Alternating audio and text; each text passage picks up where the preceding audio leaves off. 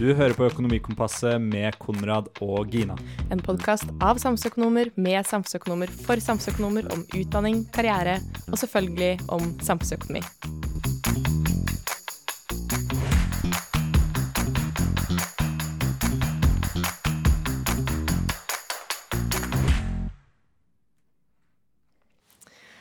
Velkommen tilbake til Økonomikompasset med Konrad og Gina. Eh, med oss i studiet i dag så har vi Tiril Lustan Halvorsen. Eh, Tiril er rådgiver i Tankesmien Agenda og jobber særlig med ulikhet, økonomisk politikk og arbeidslivs- og velferdspolitikk.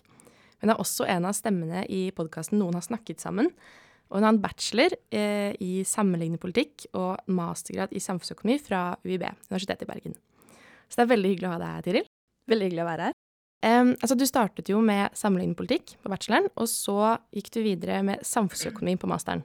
Stemmer. Hvorfor, hvorfor det? Jeg tror det kanskje har sammenheng med i hvert fall to ting. Uh, jeg begynte på sammenlignende politikk i 2009, og det var rett etter finanskrisen. Uh, og det preget jo på en måte det sto, altså nyhetsbildet og veldig mye i mange år uh, etter det, og særlig liksom rundt da i 2009. Og på sammenlignet politikk så hadde jeg et fag som het uh, politisk økonomi, hvor vi gikk gjennom en del teorier om, om, om makroøkonomi og finans. ikke sant? Marx, Keynes, uh, Schumpeter, masse sånne store, store teorier og tenkere.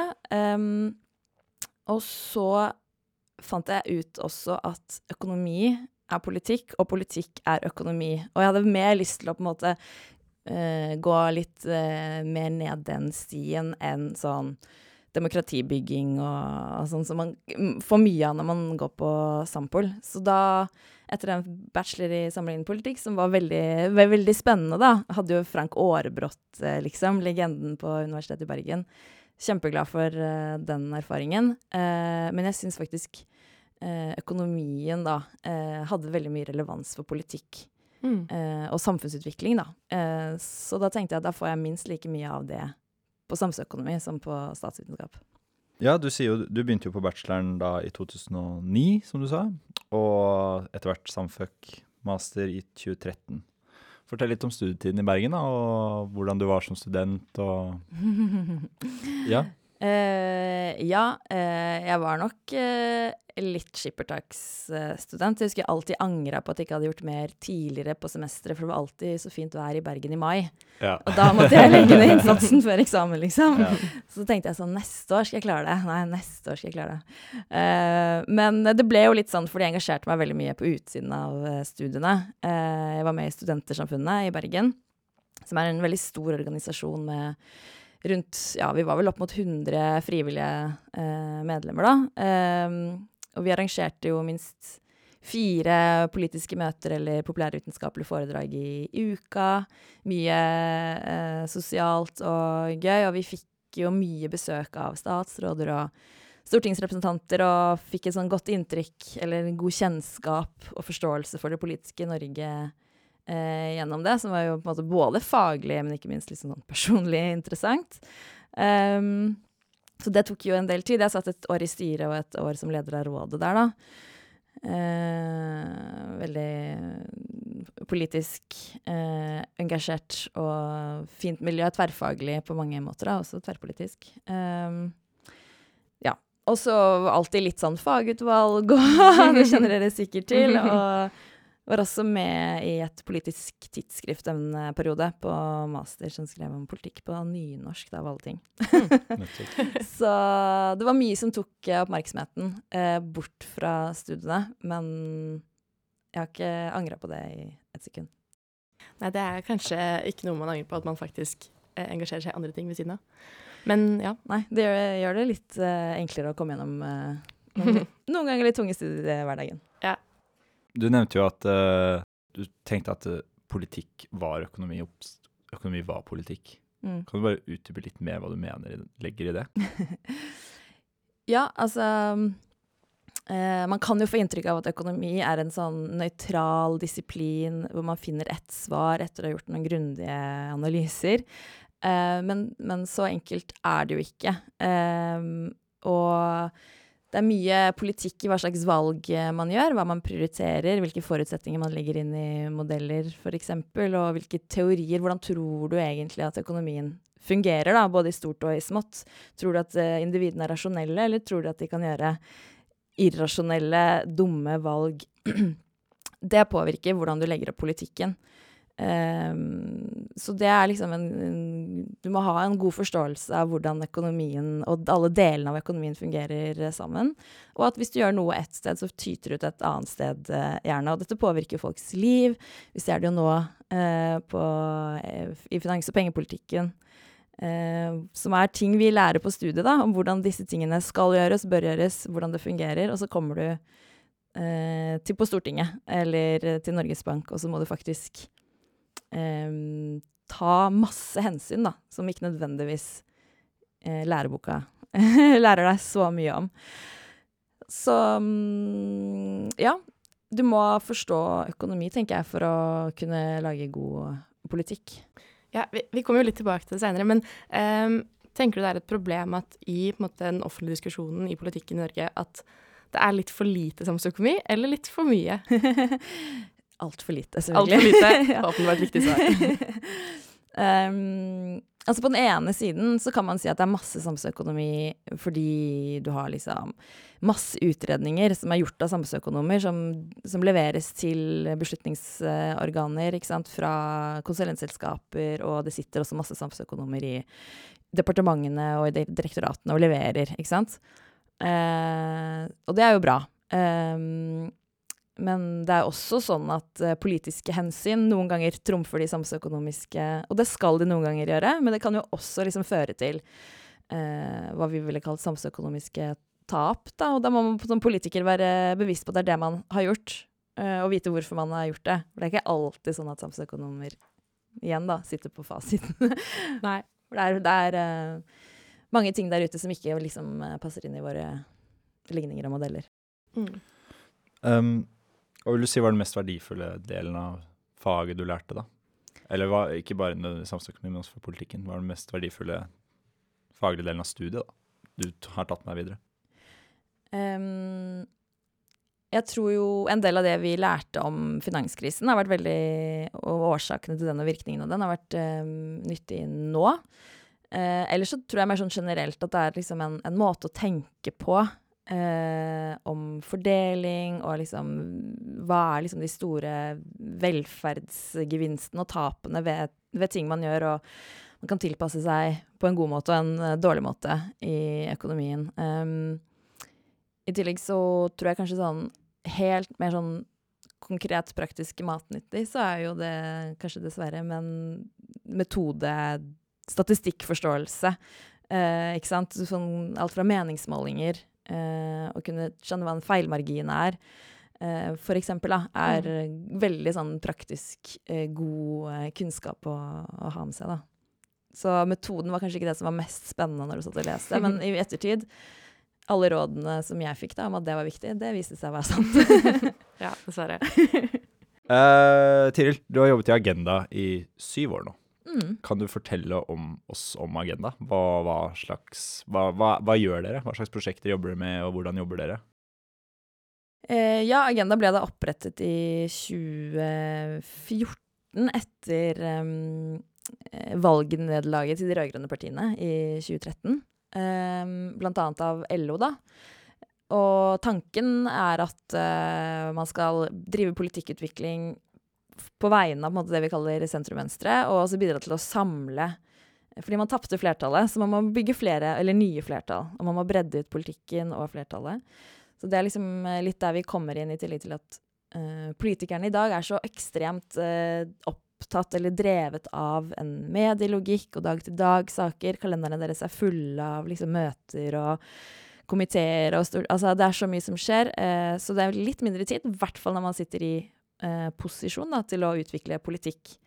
Um, så det er på en måte derfor vi fins. Uh, og så ble det fort veldig klart at um, det var ulikhet, økonomisk ulikhet som skulle være vår sånn, hovedoppgave. Uh, å både belyse og drive med formidling av kunnskapen rundt det om, og også utvikle politikk for å redusere ulikhet. Så det er liksom på en sånn helt um, Du kan liksom drive med omfordelende skattesystem, men det går også ned i hvordan arbeidslivet er organisert tariffavtaler, eh, mm, eh, konsekvenser av klimaendringer. Ikke sant? Ulikhet kommer inn i en boligmarkedet, en rekke faktorer. Så derfor så jobber vi med ganske mye, mye forskjellig, da, men prøver liksom å hekte det på en sånn ulikhetsdimensjon, da. Nettopp. Ja.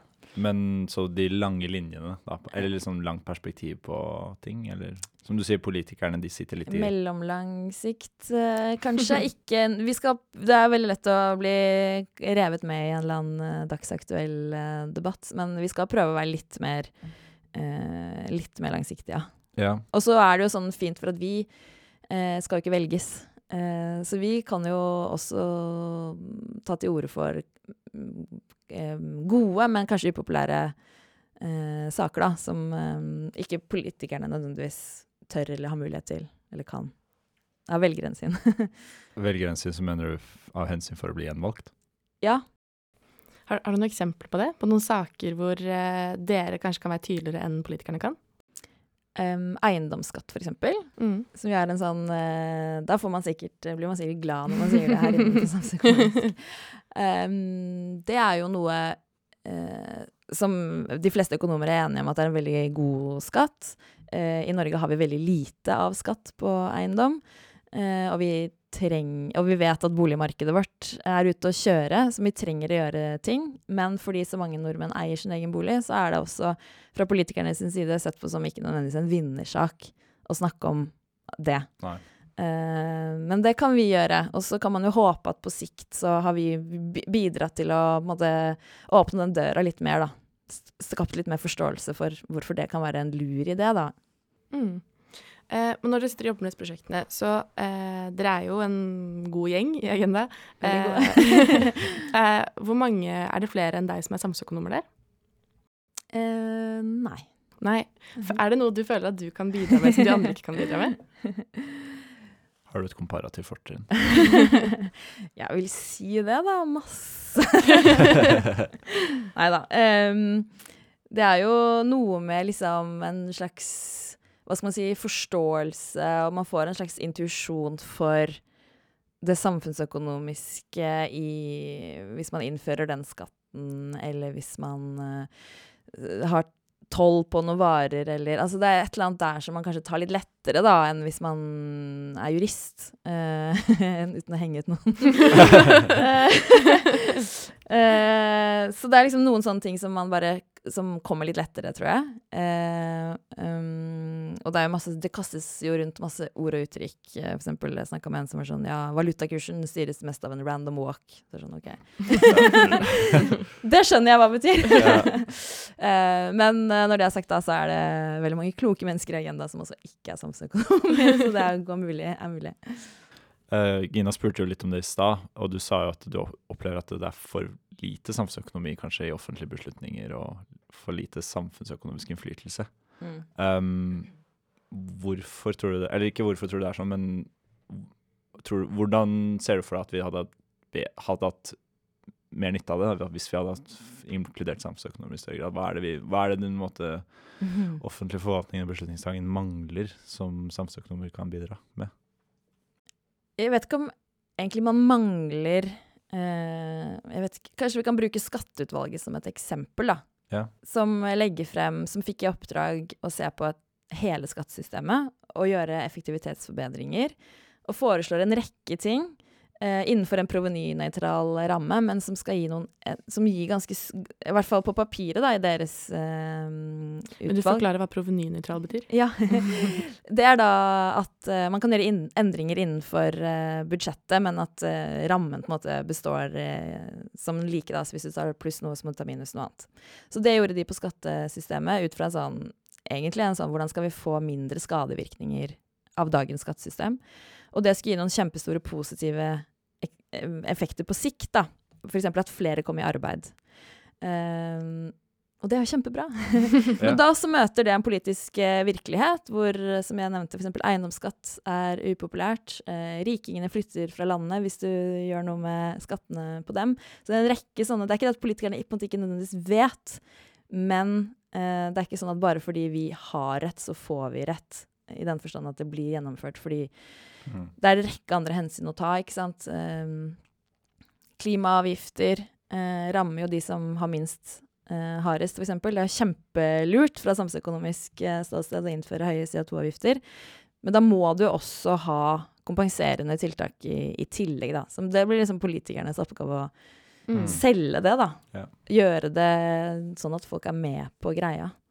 Det du sier, er rett og slett at vi, vi bidrar med vårt, men vi blir ikke alltid lyttet til. Nei. Og det er ikke noe vi kan gjøre noe med, eller samfunnet kan gjøre noe med i så stor grad. på en måte. Mm, jeg tror jo Det kommer fra på en måte politiske hensyn. da.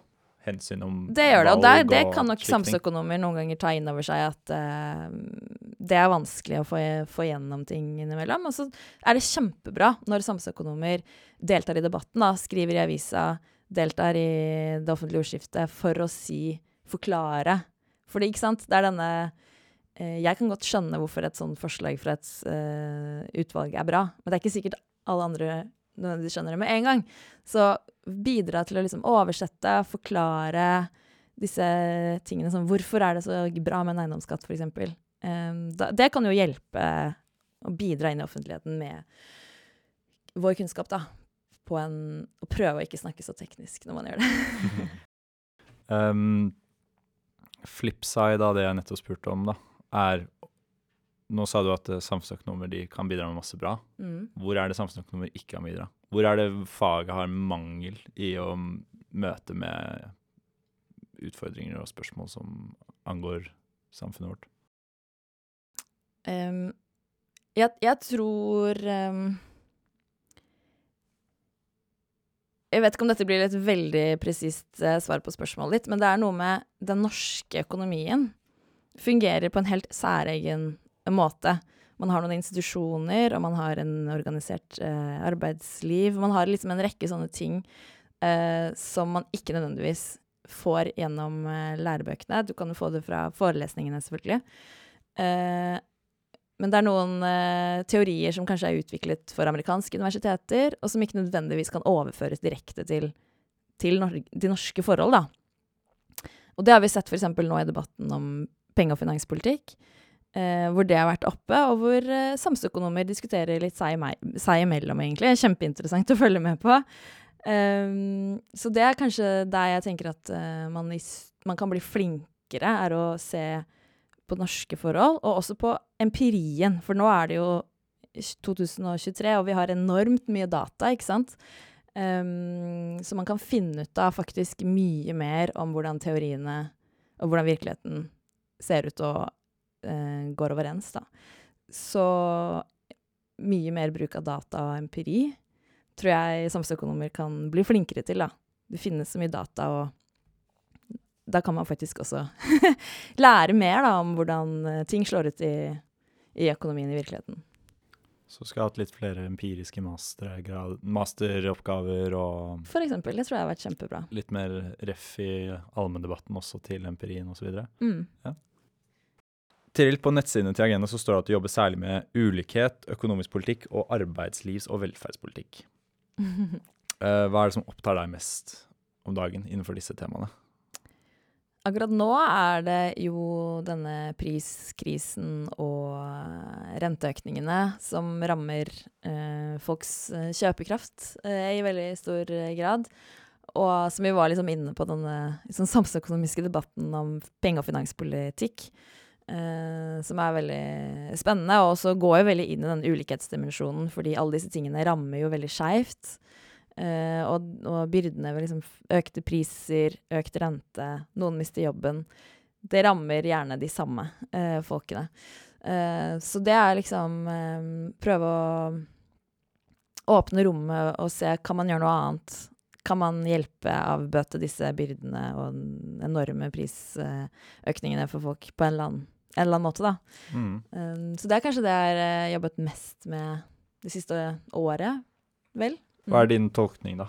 Er, eh, for det første er det åpenbart at eh, renteøkninger har en skjev fordeling. Og er det noe vi burde Burde sentralbanken selv gjøre noe med det, eller burde det overlates til finanspolitikken? Eh, altså, mm, eh, Norges Bank har jo et mandat gitt av Stortinget, eh, så de må jo de, de er uavhengige i den forstand at de er, eh, setter den renta som de vil, og så har de et politisk bestemt mandat fra Stortinget. Og det kan jo Stortinget endre hvis de mener at eh, Norges Bank ikke eh, på en måte gjør nytten sin, eller Så det har vært en debatt om de, har, om de tolker mandatet sitt eh, riktig.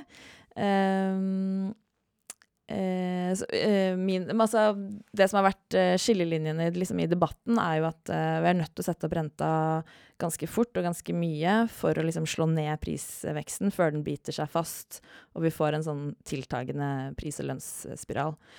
Um, og på den andre siden så har det vært at det er ikke nødvendig i Norge fordi vi har en lønnsdannelse som på en måte holder igjen.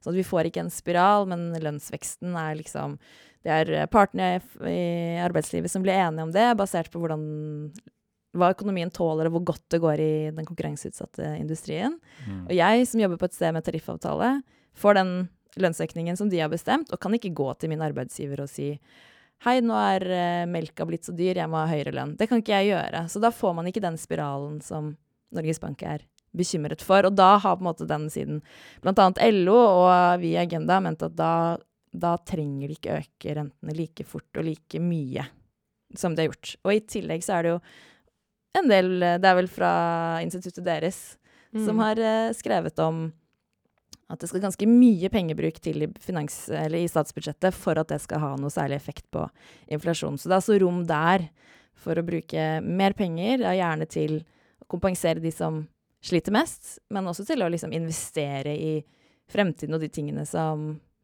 vi må huske på at eh, priskrisen startet jo med energi, grønn energimangel, ikke sant? Så da kan man se for seg at eh, ut av denne krisen må man også investere mer i grønn energi, da. For å unngå det samme.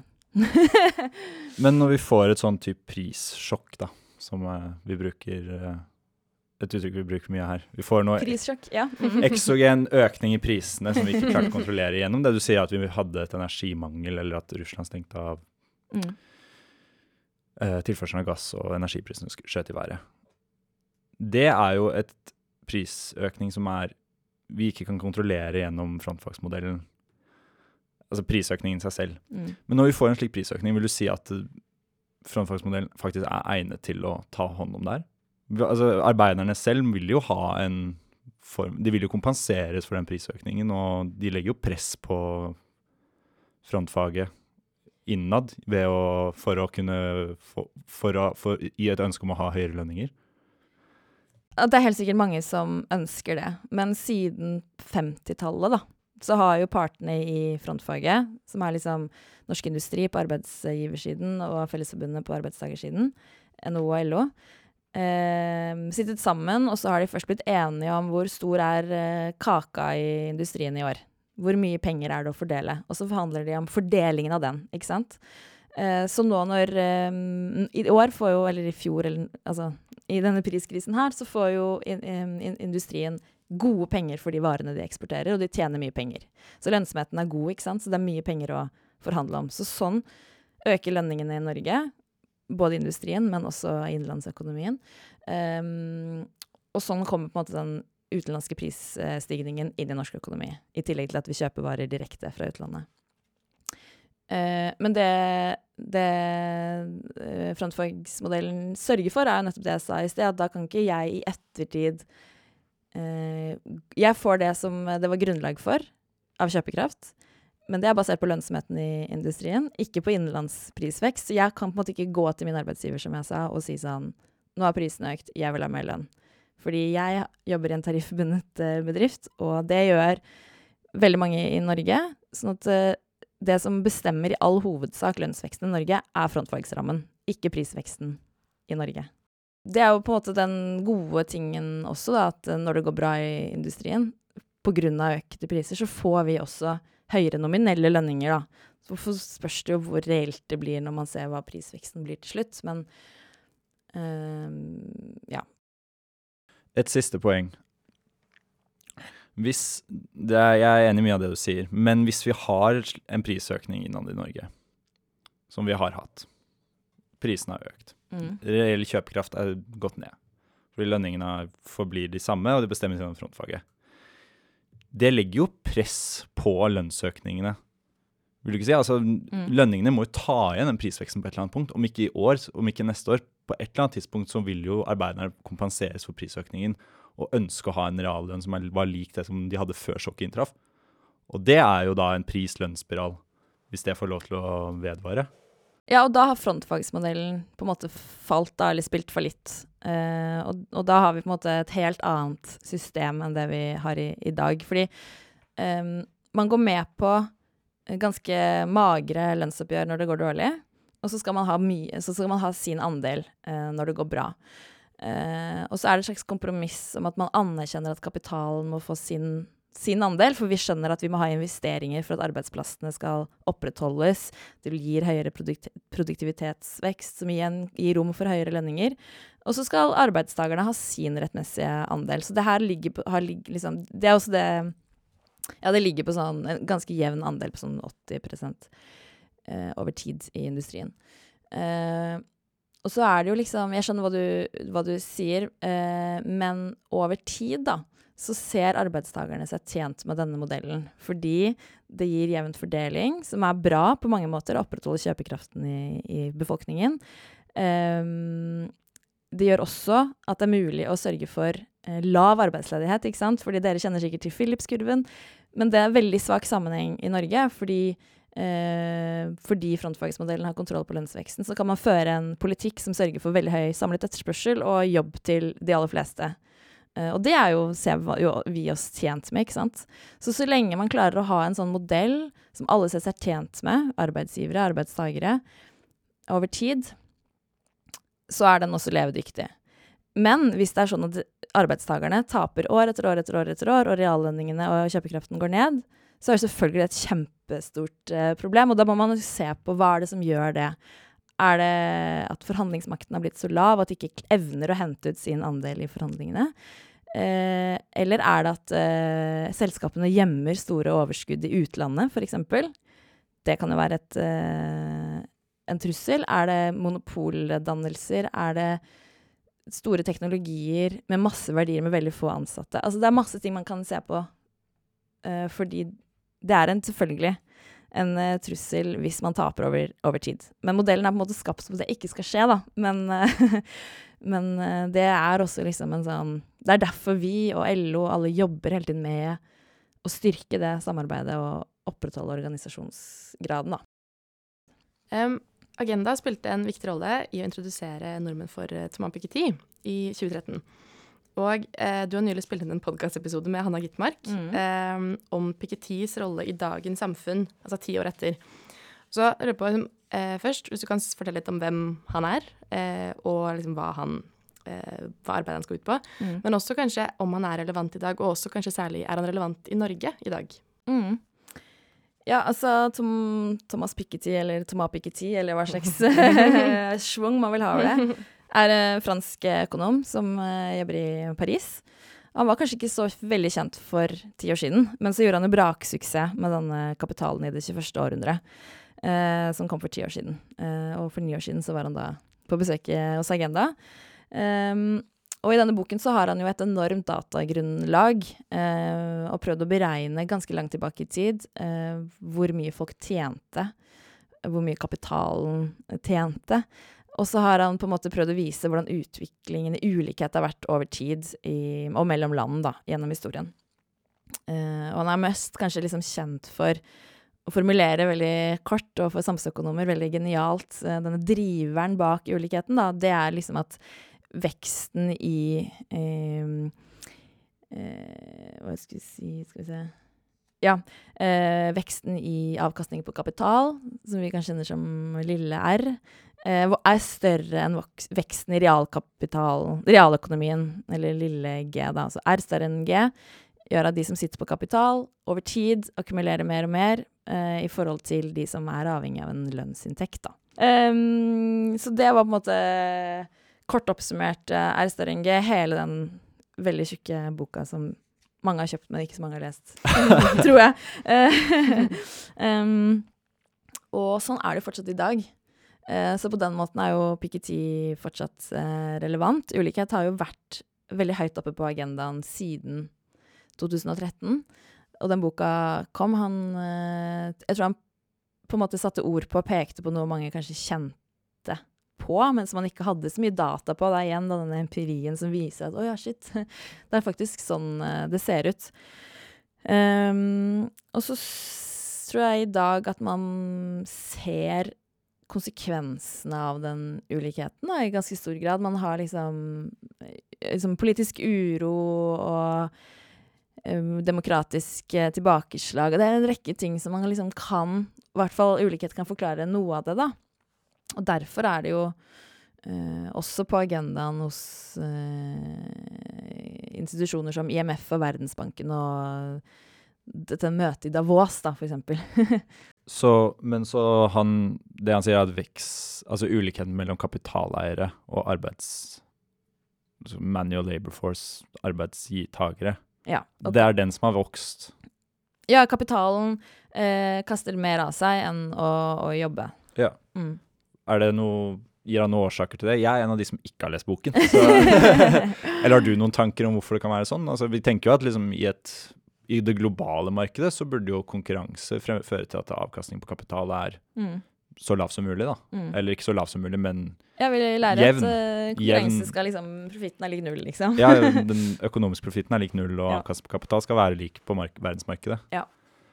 Um, det er jo eh, For eksempel er man jo avhengig av at eh, arbeidstakerne har en slags eh, makt til å forhandle til seg den andelen av den verdiskapingen som, som skjer, da, ikke sant?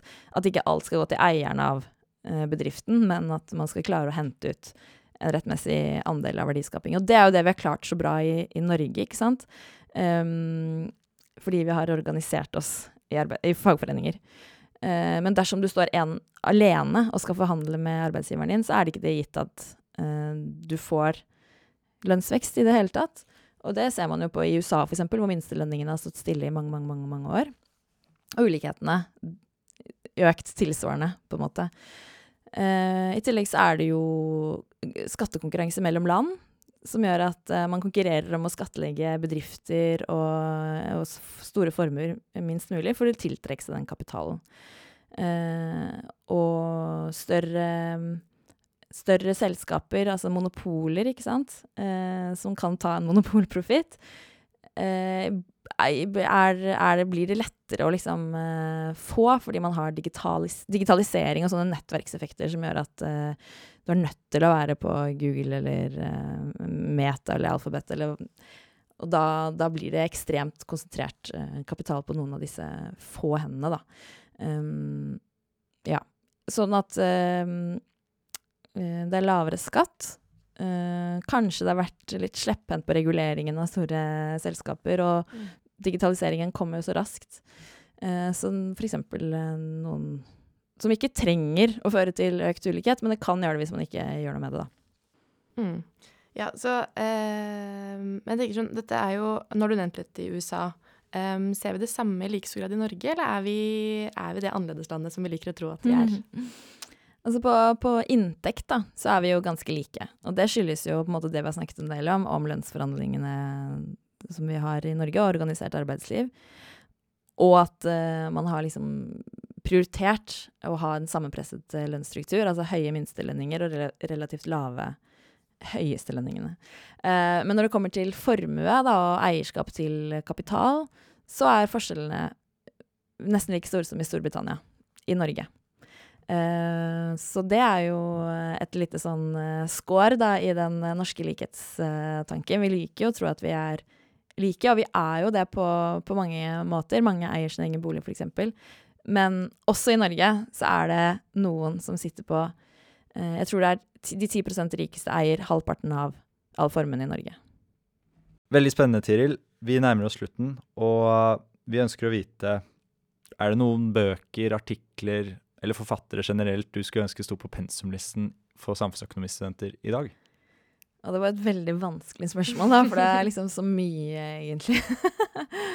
Hva er det du skulle ønske studentene visste med sikkerhet da de gikk ut her? Sånn en bok de skal ha lest, en forfatter de skal kjenne til, et eller annet sånt. Svaret bør jo være Piketty nå, egentlig. Ja, ja, det bør jo på en måte egentlig være Piketty, og det finnes jo også noen sånne litt sånn kortere oppsummeringer av den boka. um, så det er liksom Men en annen, uh, en annen bok uh, jeg, jeg, bare så liksom gjennom bokhylla på kontoret. Um, en bok som, av en som heter eh, Robert Putnam, som heter Our Kids. Som også handler om ulikhet, da, men hvor mye um, din sosiale og økonomiske bakgrunn påvirker livet ditt. Uh, som liksom veldig Det er liksom større sjanse for å komme inn på et eh, college i USA hvis du er rik, enn hvis du har eh, gode karakterer og er fattig. så det er sånne, sånne, ting som gjør at um, og, og, det gjør jo at man går glipp av ekstremt mye talent, ikke sant. Fordi det er IQ er likt fordelt i befolkningen. Så hvis hva foreldrene dine tjener og har gjort tidligere i livet, påvirker dine muligheter i livet, så er det, går man glipp av store samfunnsøkonomiske gevinster da, med pot potensielt uh, nye innovasjoner og dyktige folk som aldri får muligheten til å bruke evnene sine. Um, og i tillegg så igjen litt det vi eh, har snakka mye om i dag, da, men uh, det er en um, en som heter Jonas Bals, som jobber i LO, som har skrevet en bok om streik. Streikens historie i, i Norge uh, og i verden. Og det, det Muligheten til å streike, og hvordan fagbevegelsen på en måte samlet arbeidsfolk som en motmakt til eier, uh, eierne, har formet norsk økonomi i veldig stor grad.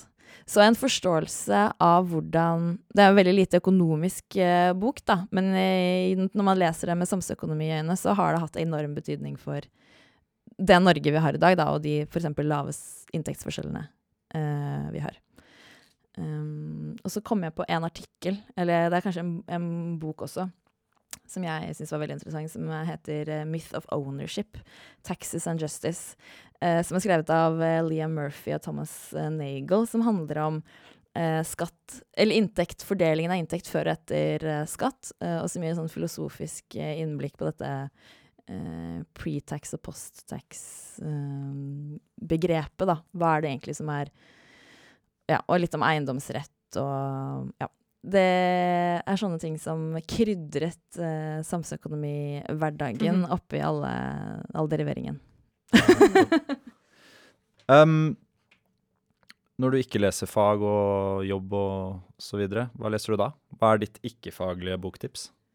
Ja, det, det, blir heldigvis mye skjønnlitteratur, um, faktisk. Um, jeg tenkte å nevne en bok som heter 'Meg eier ingen', som er skrevet av en svensk forfatter som heter eh, Åsa Lindeborg, eller forfatter og journalist.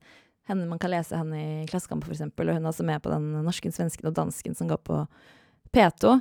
Uh, hun skriver om seg selv da, og sin oppvekst uh, med en ganske alkoholisert uh, far i industri, et industrisamfunn i, i, Sverige. Veldig fin, sterk bok. Meg eier ingen. Mm. Mm. Da noterer vi oss det. Og så jeg tror jeg vi må takke for en veldig, veldig hyggelig samtale. Tusen takk for meg.